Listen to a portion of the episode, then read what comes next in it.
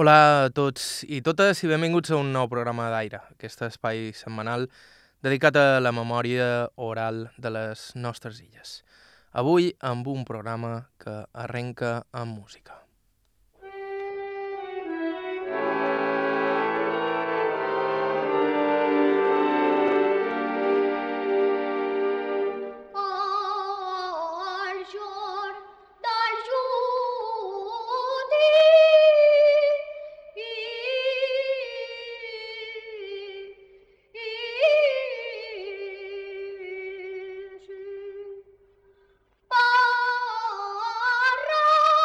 El que estàu escoltant, segur que ho heu reconegut, és la Sibilla, però no una Sibilla qualsevol.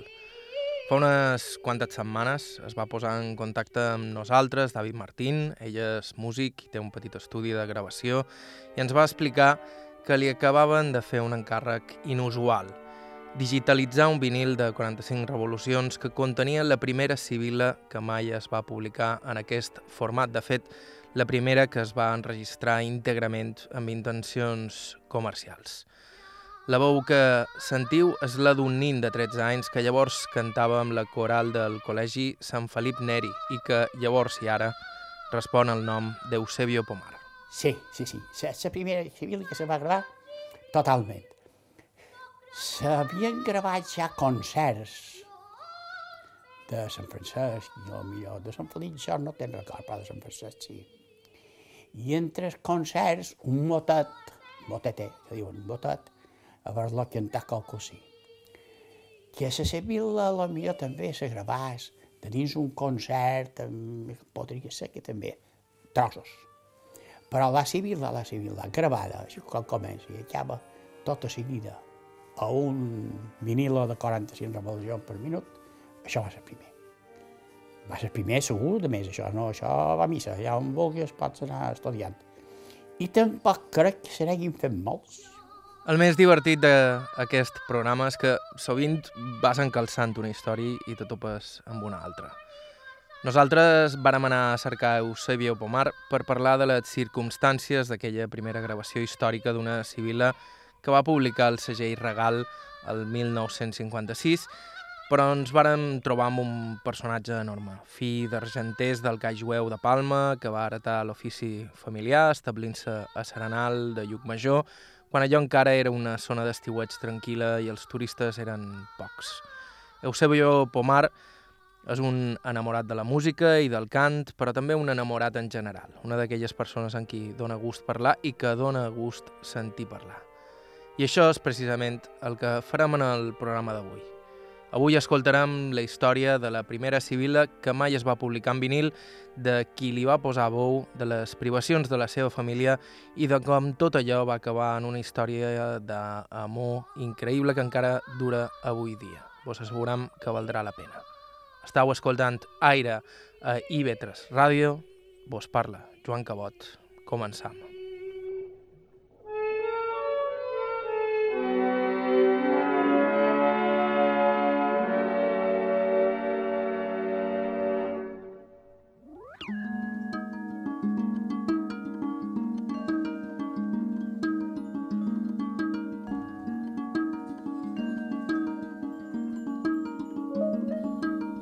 Eusebio Pomar es va instal·lar a Serenal quan allò encara era un lloc d'estiueig tranquil i quasi verge. Avui viu al darrer pis d'un edifici de 10 plantes a tocar d'una primera línia de mar que en l'estiu bull de turistes i activitats. Ell ha viscut el canvi amb els seus ulls, però els seus orígens són a Palma, en un raconat de ciutat que contrasta radicalment amb el paisatge que l'envolta ara, el Cas Jueu. Neusebio mateix es presenta. Eusebio Pomar i Aguiló. Vaig néixer a Palma, nasquera de Jaume II, antes els bastaixos. I l'any 1943 va ser quan vaig néixer. I en què se dedicaven els teus pares? Jo iria, tots dos.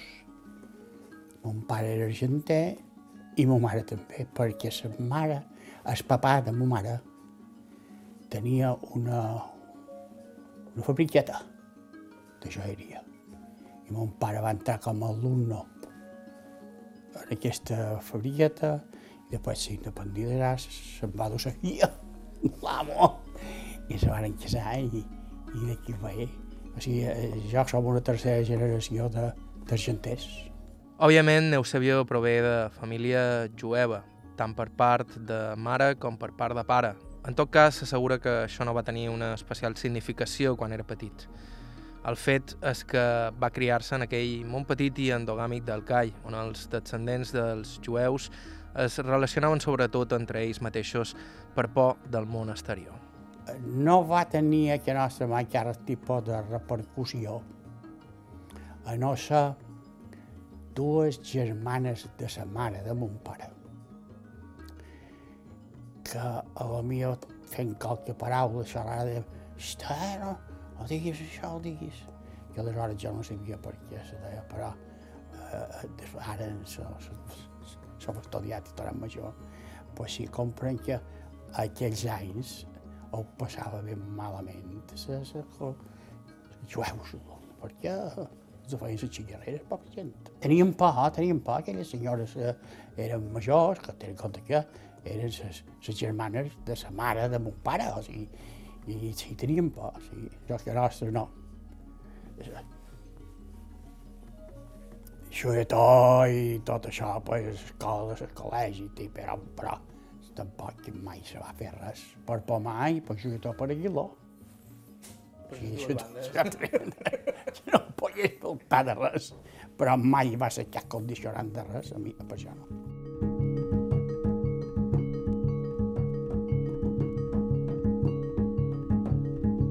No, el que passava, eh, les teves joieria, era que eh, estàvem, que tots eren artesans, normalment tots eren artesans. Eh, no se feien coses, eh, maquinaris grosses, no se coses molt especials. I, i, i se formaven núcleos d'artesans especialitzats en una manera o de coses de fer. Uns se dedicaven a fer aros, per exemple, els altres a fer criolles, els altres a fer pulseres buides, els altres a fer estampats, perquè això de lapidats i microfusions, tot això ho després. El començament de la joieria, i cadascú feia el que feia. Miquel dels Aros, Sant Joan dels Aros, don Paco de les criolles, els que foners, i, o sigui que tot, tots eren així, després hi havia uns que se vidrieria que se devia fer coses de platinat en el carrer de, Reis Sant Eulari, i tenia, tenia sa feia i, i més o menys la gent vivia bé. Fent feina, claro. Nosaltres fèiem fetitxes. Fetitxes, després eh, coses de punta, de galeria, arracades, panells, després també feien rosaris, pesetes de rosari.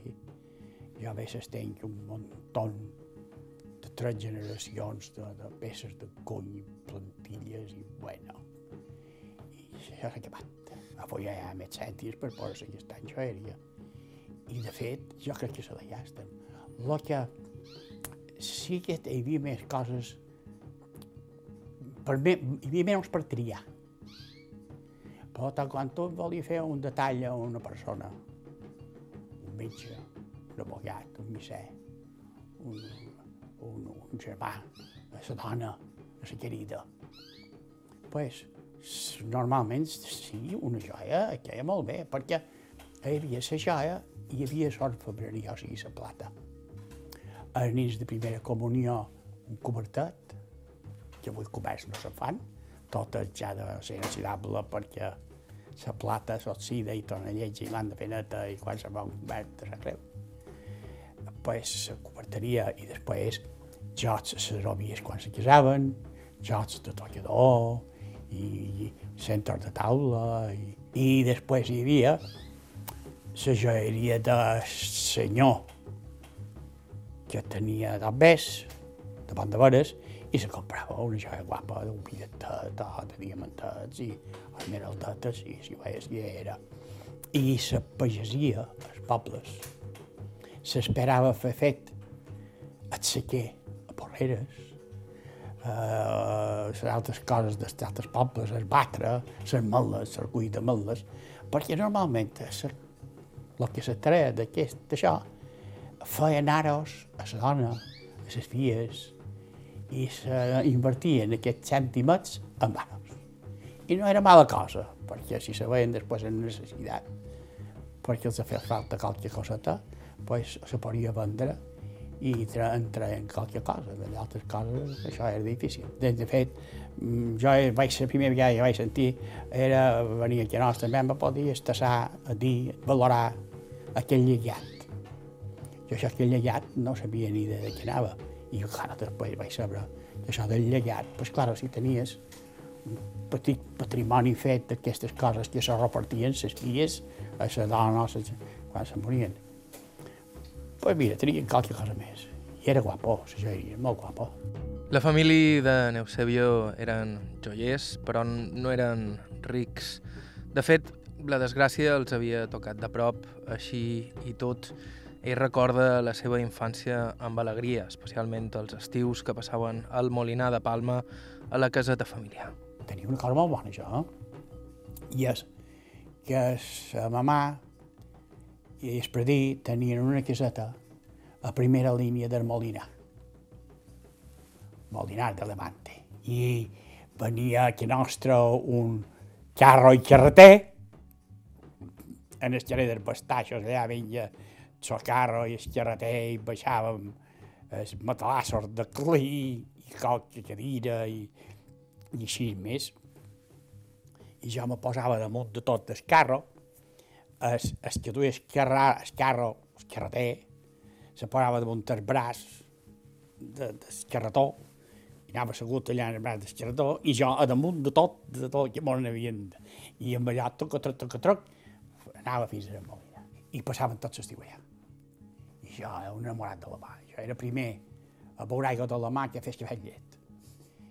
I, i, i el dia de tot, pues, eh, a nedar i amb una quinyeta eh, cercada dins un forat o dos, una rabó d'això, un palo i amb ell ponyits cranys, peluts o sense pelut, allà, i, ja, i fer barquetes, fer barquetes en catxes de, de sardines, perquè aleshores, de darrere la parateta, les mamars mataven els pollastres i tiraven les plomes, i amb una catxa de, de sardines amb un tap i la ploma clavada en el tap, allò no ballava que era massa, tio.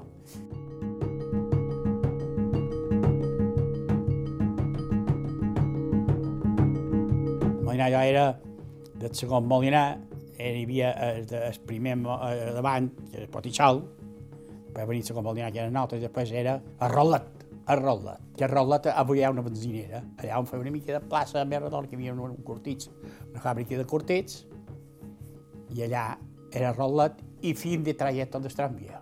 El tramvia després ja tornava enrere, cap enrere, perquè allà hi podies anar en tramvia per davant de mà i podies tornar. Hi havia, hi havia servei de tramvia. El tramvia aturava en el rotllat, en el rotllat, volta de, de, de, de, de viatge de les cadires, de prendre la poadera de cadires i cap a Palma una altra vegada.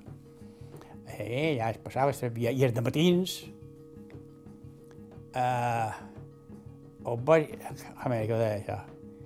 Senyores, preva el bacini, preva el bacini, melón de Benecà, preva el bacini, melón de Benecà. Passava un senyor amb un carro que venia preves, bacinis, melons, cindris, amb un carro, no amb un cavall, no, amb un carro empenyent. I després passava la senyora que repartia eh, eh, encimades, coques i panet d'oli, encimades, coques i panet d'oli, i tu davallaves, i dos encimadetes de matí per dinar, per diumenges, això, up, això. I passejava el pa, que era encimades, coques i d'oli, i pa.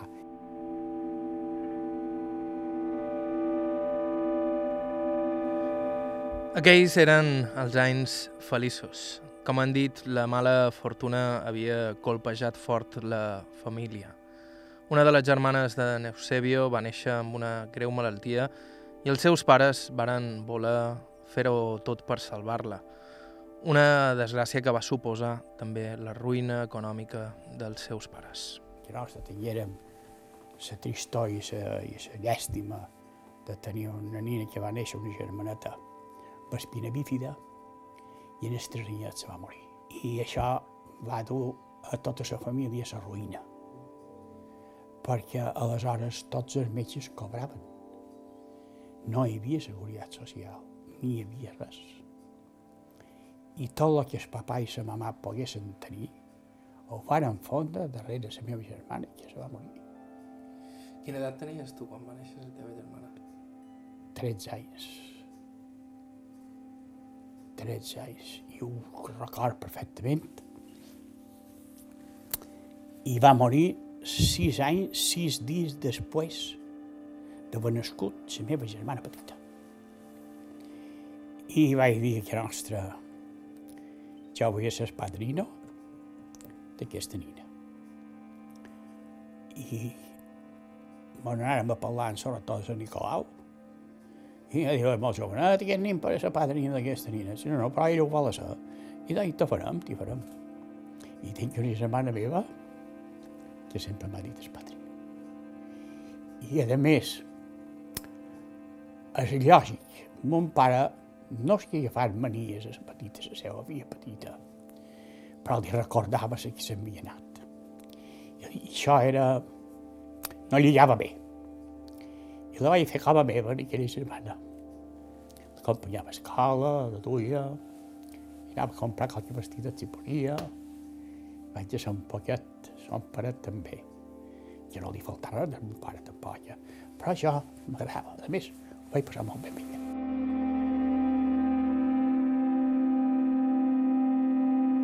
Jo record dues coses que a dins l'esquipat d'una persona jove no s'obliden. I és anar a cobrar la factura de la soldada de la feina que havien fet tota la setmana amb un pare i jo. I entregava la feina feta, panarets, fontetes, el que fos. I me pagaven, perquè si els clients em venien, me pagaven. Els dobbers de la que replegava ja no anaven a la nostra, anaven a la farmàcia. A la farmàcia tenien compte obert. I tots els dobbers que havien guanyat la setmana, ja els deixava a la farmàcia que els devíem tot el que anàvem a anar a cercar. Nosaltres érem una família de cinc germans, que vulguin o vulguin cinc germans, que creixen i tal, igual tenen un gasto normal i tal, se constipen, tal, tal, però que després resulta que a, a dins tens aquesta angelet que se mor morir, neix amb espina bífida. I els metges tots cobraven. I venia una infermera a posar l'indició a la nina, i venia cada dia, i tots cobraven, paraven a la mà, i mon pare, pam, pam, mai va deixar de deixar de deure res. Aquesta història va acabar anys després. Aquí ve un bocí d'aquesta història que dona una idea de quina mena de persones Neu Savió. I una de les alegries que jo vaig tenir quan vaig ser major, eh, me'n vaig, me'n recordava molt de ma mare que tenia una custòdia.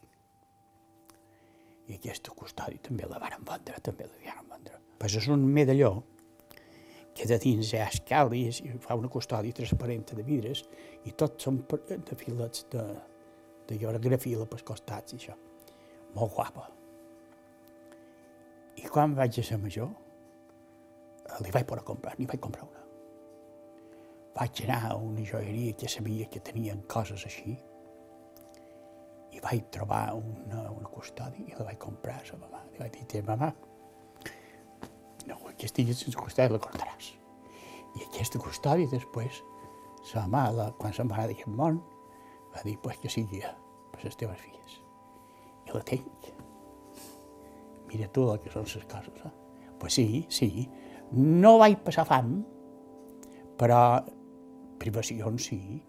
I teníem el que teníem. I, i més amb els germans i, i jugar a futbol, amb botons i, i ja que sé, futbol i, i córrer i caminar i... Yes. Però a més de tot això, Eusebio tenia el cant. D'aquí uns segons, Aire, continuem amb la seva història. Fem una breu pausa, tornem en uns segons.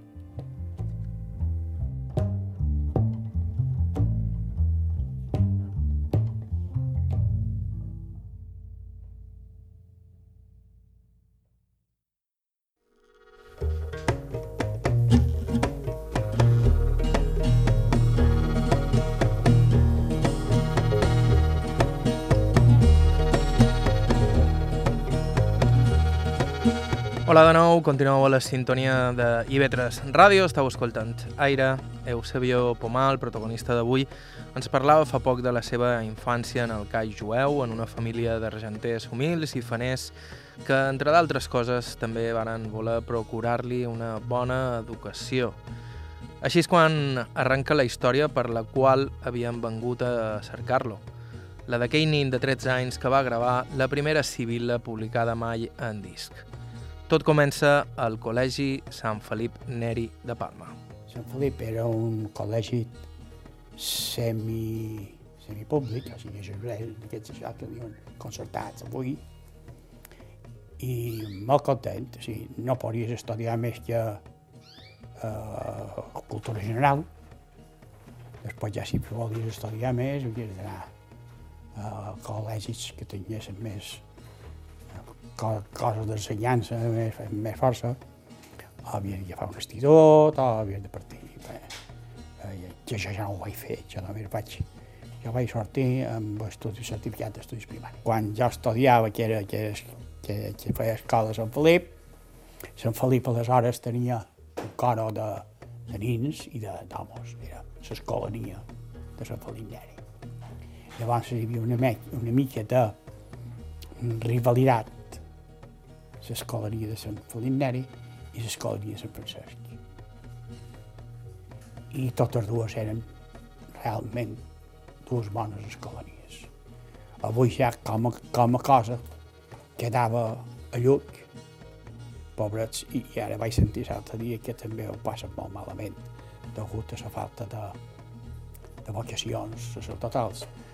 I és una pena també, jo considero una pena, perquè les coses que jo vaig viure de ninet, que en vez d'anar a jugar de segon que i fer burro de segons camp, no estava allà tratat i cantàvem i prenia en solfeo, en el professor, i aprendre a empastar la bossa del costat, i després quan ensayàvem i quan cantàvem, a mi m'agradava molt.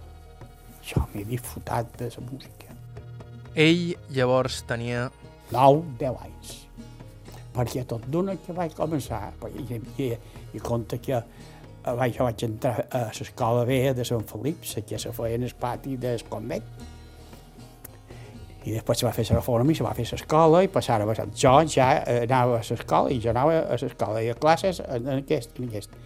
I aquí ja eh, el capellà que se'n cuidava, el pare Reinés, que, que se'n cuidava d'això, ja en el lot que sentia que xerraven o cridaven en el pati i tal, mos anava fent passar, però ja ell tenia un pianet, oh, m'encanta qualque cosa, dic, ah, eh, i, ah, i feia una mica d'escalda, igual, i, i anava triant, aquest sí, aquest no, aquest no, aquest sí.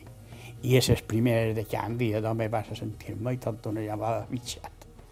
Tu, eh, sortir a l'escola, aquí, a ensaiar i a cantar.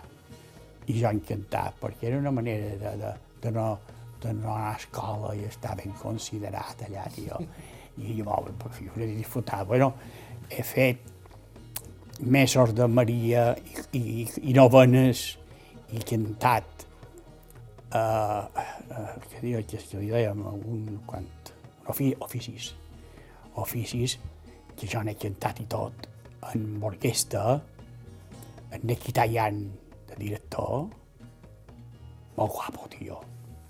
I després feien concerts a diferents puestos. Jo he cantat davant Doña Leonor, la dona d'en Berga.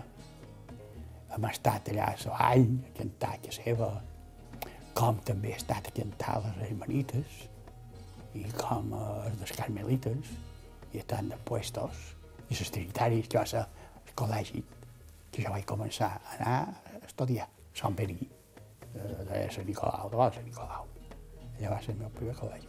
Però va, és començament de cantar van això, a Sant Felip quan tenia aquesta edat de ninet. Música no m'ho ensenyaven, solfeig no m'ho ensenyaven, però tu aprenies a cantar d'escoltar. De començaven a cantar un poquet al piano una cosa i tu repeties i és que tenia bon oïdo triomfava i és que no en tenien, era difícil.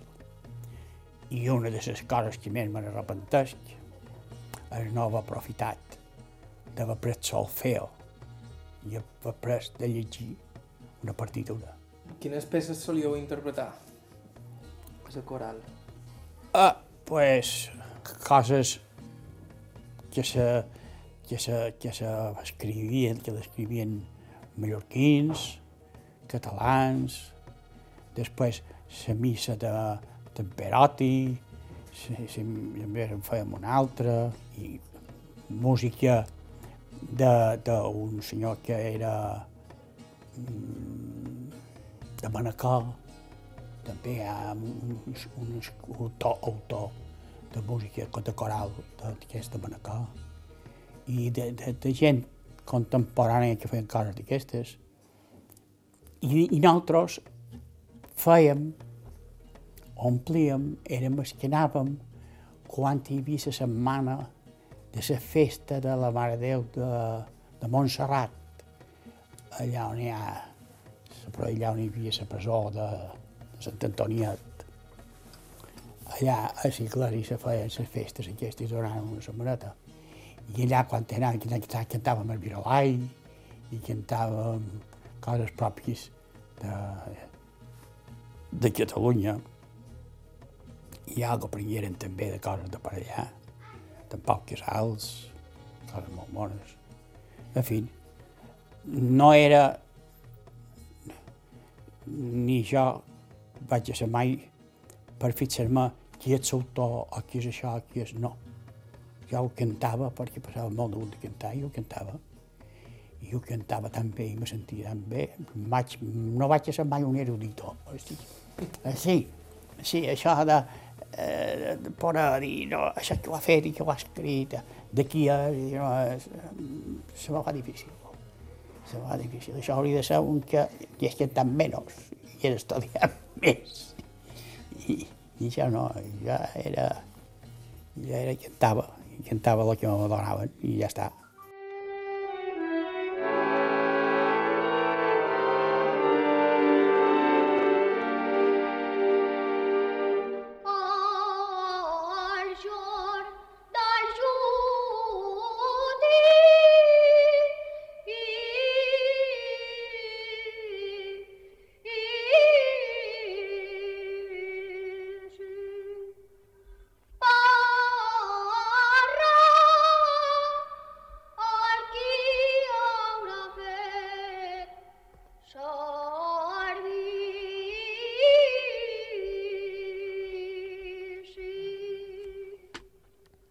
Va ser en el cor de Sant Felip Neri on Eusebio va destacar ben prest de solista i com a solista sovint cantava una de les peces més importants del repertori tradicional mallorquí, la Sibila. En aquells temps, la Sibila la cantaven nins, en lloc de nines com és habitual ara. Nins amb veu blanca, que es diu. I ell la tenia blanquíssima. En els concerts, de vegades hi havia que haver un solo. I el solo, qui feia el solo? Pues, aquí trobava el professor, que tenia més bo bo, que ho feia millor, normal. I aquí, aquí és allà on la per mentida, jo me'n recordo, que davant la responsabilitat de cantar tot sol, que sents aquell silenci absolut, i només la teva veu que surt i que torna a les teves orelles, i amb aquell silenci i, i això, eh, agafes una responsabilitat a un lot tan petit que, que, que, que, que sí, jo me sentia molt responsable i, i, i qualque vegada ho passava malament, però passava malament supos que per tots els que fan qualque cosa que s'han de posar davant un públic i fer-los de bona veres. I entonces, claro, era el que feia el d'això. I què fan? A l'hora de fer la civil, la que ha de ser que té un determinat triple és una de nina, ja tenia la veu molt timbrada, molt de taroret, molt, molt de nina, doncs pues me triaven això. I a mi com me triaven això, perquè jo tenia una veu que arribava pff, allà on fos, i, i, i ho passava molt bé, jo passava molt de gust. Té una, anècdota que jo tenia un veïnat molt aficionat a l'òpera, i jo molt, posava música de la que podia i ell cantava de barítono I jo, de vegades, hi feia la competència. Quan començava a pujar l'escala, ja vivia un tercer pis, me posava a cantar. I quan me trobaven per l'escala, ho sé, jo no t'aturis de cantar, eh? Això que ara això no, no, tu has de cantar fins a dalt de tot. I ell, perquè ja passava un dos metres de sentir-me cantar per l'escala, i jo que disfrutava de cantar. Perquè, a més, no tenia dificultat, això, per, per, per cantar i per, per arribar a uns aguts, això no, i em passava bé i vaig entendre molt bé el que ells m'explicaven. I és, a l'hora de cantar, de vocalitzar, feien classes de vocalització, vocalitzar, fer la O, la A, la poa, la boca bé, cantar quan cantes, mirar de riure, que la boca te queda així. I, claro, vaig aprendre tot això que m'ensenyaren i, efectivament, això serveix molt. I, i, i això que per mi, pues, claro, m'ensenyaren a mi a, a, a, a civil el joc de judici, però a servici i vam ensenyant. I un dia, i un altre dia, i un altre dia, i cada vegada millorant, cada vegada millorant, i quan la cosa l'escolania feia un concert, a més de sol aquí poc saber si era damunt les festes nadalenques, i no ho sabia cantar la Sibila. Era un leitmotiv més en el programa. I a Sibila vaig cantar per moltíssim de puestos per moltíssims. Se feien també uns concerts a la caixa d'horror, a la caixa de... a la caixa, a un teatre que hi havia en es, una travessia d'esquerra de, de Colón, que se deia la caixa. Allà eh, pujaves i allà hi havia un teatre, un teatre que era per l'estil un poc més grosset que, que el Teatre Sants. I allà ja hi anàvem a fer concerts allà i, i ja allà he cantat la vila, però saps que li cantant de puestos. Un bon dia, un dels seus professors li va demanar si li feia ganes anar a Barcelona a gravar la Sibila. Eusebio llavors no havia sortit mai de Mallorca. De fet, el més enfora que havia anat era a Sineu, a uns familiars de Matances. I, pues claro, cada dia jo anava en cep, vam un dia bé, i me diuen, mem, Eusebio, eh, que vols que anar a gravar la Sibila? I dic, bueno, que més a mi, estupendo. Bé, nosaltres allà teníem el director, que era el director mestre, i un mestre que era el que mos moldeava, jugava més en nosaltres perquè aprenguéssim menys, més suau, no, no tant eh, dictadura. I que, que, que no havia don Pep Vidal. I don Pep era el que mos ensenyava. I després eh, don Miquel Miró era el director. Vengueren i em digueren, eh, va ser això, això, sí. I bé, digueu, ton pare, tal i qual. I, I vaig saber, per lo que escoltava, contaven això, que això va venir perquè hi havia un, un tocador de guitarra, un senyor que tocava la guitarra, que era molt amic, tenia molta amistat amb en Pep. I aquest va ser que diu, aquest nen haurien de fer aquesta, aquest disco perquè tal, i tal, bé, resumides cuentes. Eusebio, eh, tal fetge, te parito que m'on anirem, t'acompanyarà del Miquel, el meu, el meu director, i així va ser. Eh? Un dia mm, papà fan això ben fet i tal, i m'acompanyaren, mos fixaren de dins un Bristol, que és un avió que duia les finestres per damunt sala, eren, eren Bristol, dos motors, dos motors d'explosió, i en so Bristol me dugueren a Barcelona de matí i me tornaren al vespre.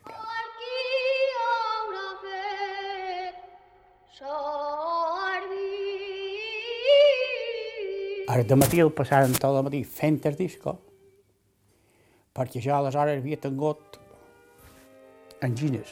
Era molt perseguit d'angines. I clar, jo el meu coll eh, me, me cuidaven. I les angines m'havien donat otitis i, no, i, i el dia que vaig anar a Barcelona per justament fer aquest disco, havia tingut una setmana o dues davant otitis.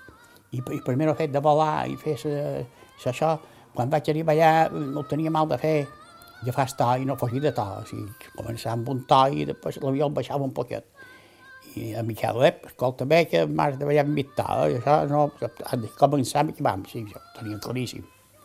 fins que, i fins que no va estar bé. I passàrem tot el matí. Vam anar a dinar, després de dinat, eh, també me va dur, don Miquel, don Miquel, don Miquel, eh, me va dur a, a, a veure el safari, això, sí, el safari de Barcelona, això de Barcelona, això era una novedat molt grossa eh, i aquell, aquell entonces, compta tu, jo tenia 13 anys, i veien això, me ficaren dins l'avió i cap aquí s'avió, i cap aquí, cap aquí torna. I, i perdona que te deia, una altra cosa, i és, només del val una, una d'això, no?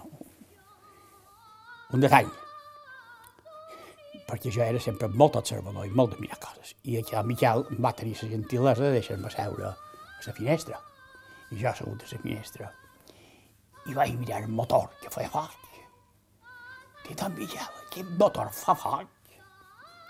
Diu, no, hombre, què dius, hombre? Sí, miri, miri, miri.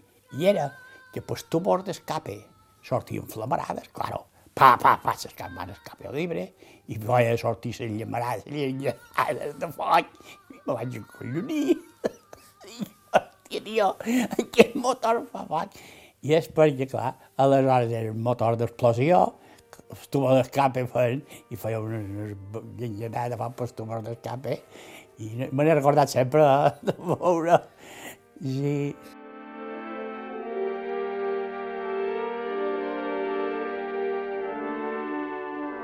Quina edat tenies quan vas gravar la Civil, 13 anys, 13, 13 anys, sí. sí. Perquè després només vaig durar cantant un any més, ja després me vaig enviar a veu, i, i se, se, va, se va trabucar tot. Aquella manera de poder cantar tan estupenda que tenia jo arribat, tal i qual, jo vaig ser conscient que no era esa. Després, a Societat d'Òperes, vaig entrar de tenor, lògicament no podia ser d'altra manera, però que ja, per fer les meravelles que jo feia amb aquella veu meva, era impossible. I baix, un que ho ha tingut tot, vora de mancances, no, dius, no, aquí això és igual que un torero que ja se cansa perquè te, man, te panxa. Degueres estar ben trist, però. Eh? Degueres estar ben trist.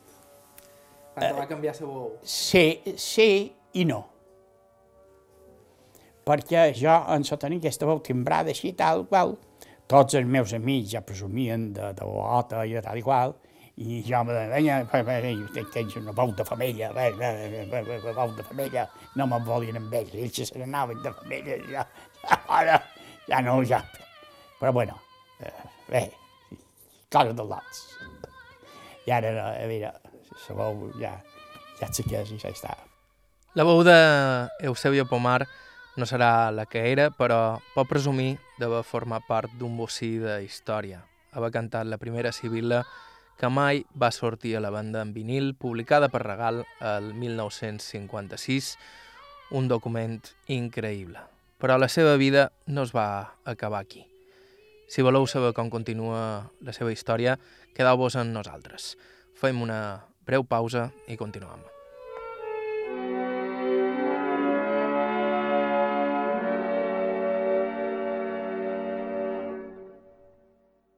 Hola de nou, estàu escoltant Aire a IB3 Ràdio, aquest espai setmanal dedicat a la memòria oral de les nostres illes. Avui amb l'entrevista que varen fer-li fa uns dies a Eusebio Pomar, aquell nin de 13 anys que va gravar el 1956 la primera versió de la Sibila que va sortir mai publicada en vinil. Fa uns segons el sentíem recordar les circumstàncies d'aquella gravació. Vos recordam, abans de continuar, que si voleu recuperar el programa des del principi o escoltar qualsevol dels nostres programes anteriors ho podeu fer al web ivetresalacarta.com o bé via podcast als serveis habituals. Nosaltres ens havíem quedat en el moment en què el vinil en 7 polzades i 45 revolucions d'aquella civila històrica va quedar enregistrat per la posteritat. Una altra cosa és que Neusebio el tingués a les mans. Jo esperava algo. La veritat, és que, hombre... No, perquè no te van pagar res. No, no, no, no, no, no. Al contrari. Al contrari, perquè les coses eren així un temps, eh? Uh, va venir el mestre allà, tots allà, per cantar i tal, igual. Sabia què passa? Aquí tot i aquí te van tots, eh? Ja. No te pensis perquè ara hem anat allà i tal i qual. Aquí xuleries i això, res, eh? No, te vull... no, no, no, no, no he estat mai bufa, que diuen, no he estat mai, ben, ben senzilla, i si puc fer un favor, estic més content. O sigui que no. I sí, claro, però sí, deia, hem, que sé, si me comprassen una bicicleta, ja me duia, me duia perdut la bicicleta. Ah, ni bicicleta ni res.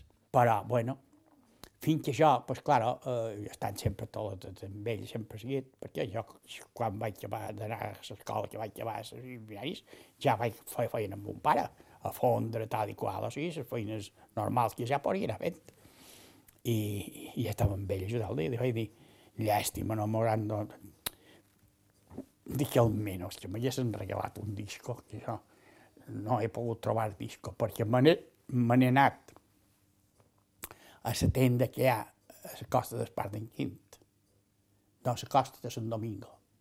Allà, a mitjan costa de Sant Domingo, hi havia una tenda que era de venda de discos i discos i coses d'aquestes. I era allà on venien els discos. I vaig anar, mem, vol dir comprar aquest disco, i no. Nada de nada. Això de la casa regal, que ho ha fet, i hem anat a gravar això. No, no.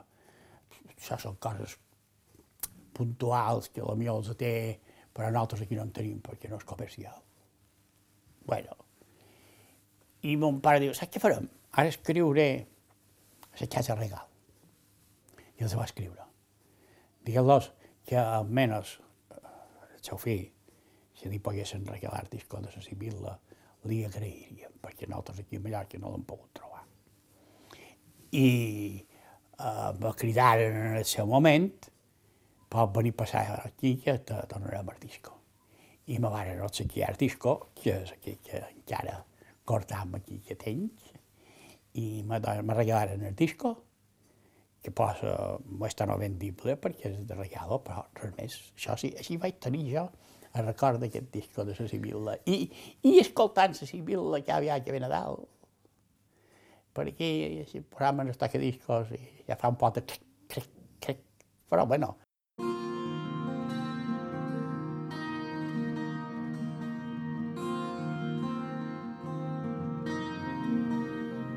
Si heu escoltat el programa des del principi ja tindreu una idea aproximada de fins a quin punt Eusebio Pomar és una persona excepcional, algú realment peculiar que sempre va fer costat a la seva família, discret, faner. De fet, sempre va sortir poc, en part perquè havia d'ajudar son pare al negoci familiar i en part perquè mai li va agradar això d'anar de rua.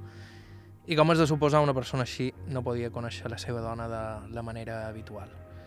Amb ell vàrem parlar de moltes coses, moltíssimes, totes elles mereixerien un programa, però una de les que més ens va emocionar és la història de com va conèixer i començar a festejar amb la seva dona, una dona mig cordobesa i d'una bellesa increïble encara a la seva edat. La història comença quan Eusebio feia el servei militar. Feia el servici i vestit de soldadat vaig anar a nostra. I la me veig i a casa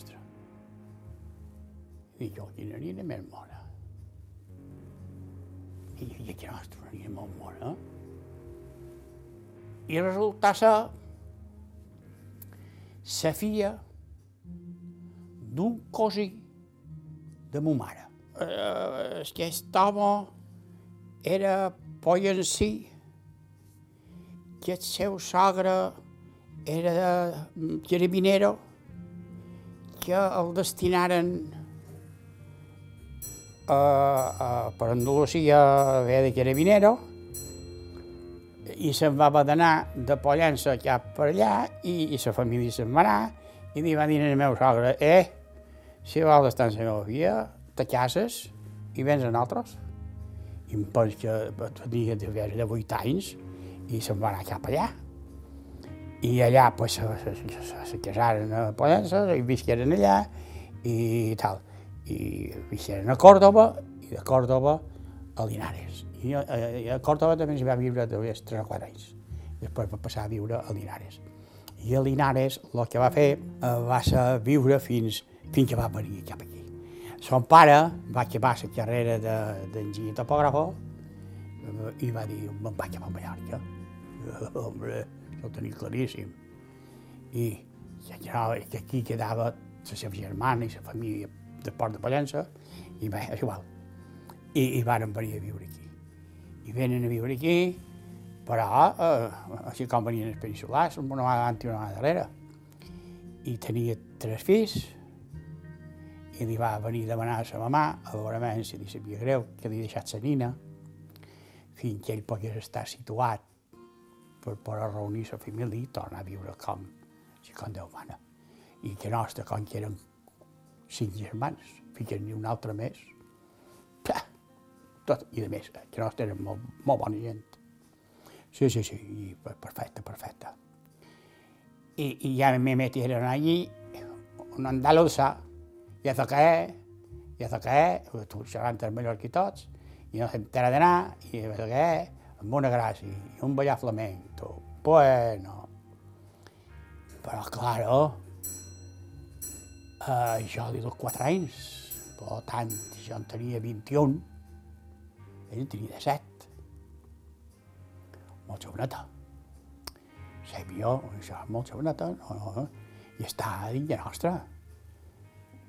I llavors, per mi som família, i, i així mos coneguérem, però jo no li vaig fer eh, ni dir que volia sortir amb ella, ni això, no, no. Això va ser quan ja vaig veure que ella tenia ganes d'anar i sortir i de voler anar eh, en el cine amb qualcú, i vaig dir, oh, pues sí, jo, tu, oh, si no t'espaviles, ja has comptat a bastament.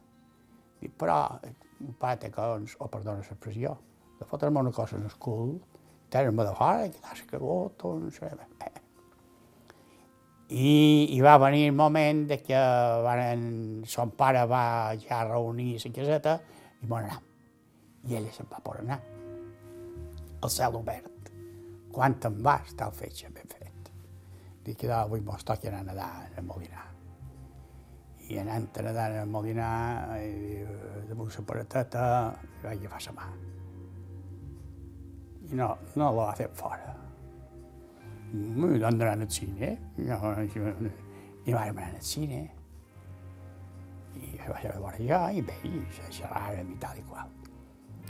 I m'ho anava cap que nostra, perquè, clar, i m'ho anàvem al balcó, això és l'estiu, i allà el balcó li vaig dir, si volia ja ser la meva lota. I no va dir que no. Li ten present que a lo millor mos faran anar de cul a ton pare i ma mare i les famílies i jo què sé, això no, no està molt clar, que són parientes i primos o jo què sé, històries. Los curas i vete a saber. Nada, nada. Yo quiero salir contigo, yo també. I a juliol farà 50 anys. Fa 50 anys que som casat. I quatre que em vaig festejar. Mira els anys que fa que me'n vaig dur la cordobesa. Eh, ja va, hi va omplir d'alegria que nostra, quan era que amb un pare i una mare, i va omplir d'alegria aquí, que era que seva. I m'hi ha passat tota la vida, i no m'ha penet i m'hi tornaria a passar perquè m'ha ajudat en tot, jo li he ajudat tot el que ha pogut, ell ha fet tot el que ha pogut i, i no poden demanar res més.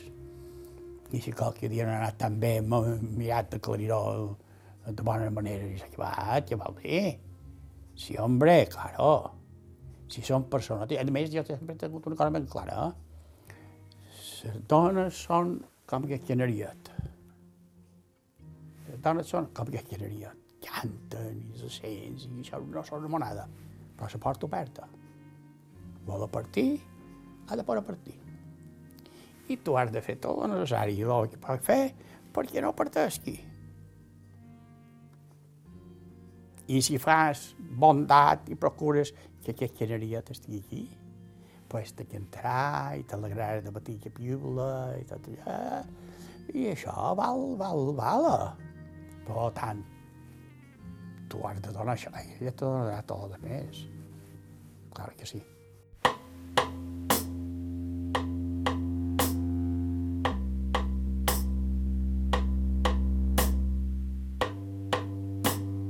I no tenim temps per més. Tornem la setmana que ve amb un nou programa d'aire. Gràcies a Eusebio Pomà i la seva família pel seu temps i amabilitat i gràcies a David Martín per parlar-nos de la seva història i posar-nos en contacte amb ell. Ja sabeu que si ens voleu proposar alguna entrevista ho podeu fer enviant-nos un correu electrònic a aire.ivetresradio.com i que també ens podeu seguir i contactar via Facebook i Instagram. Si vos voleu subscriure al podcast del programa ens trobareu a iTunes i més serveis similars. L'arxiu complet del programa el teniu a ivetresalacarta.com, Bàrbara Ferrer a la producció executiva, Iker Hernández a la producció tècnica, vos ha parlat Joan Cabot. Fins la setmana que ve.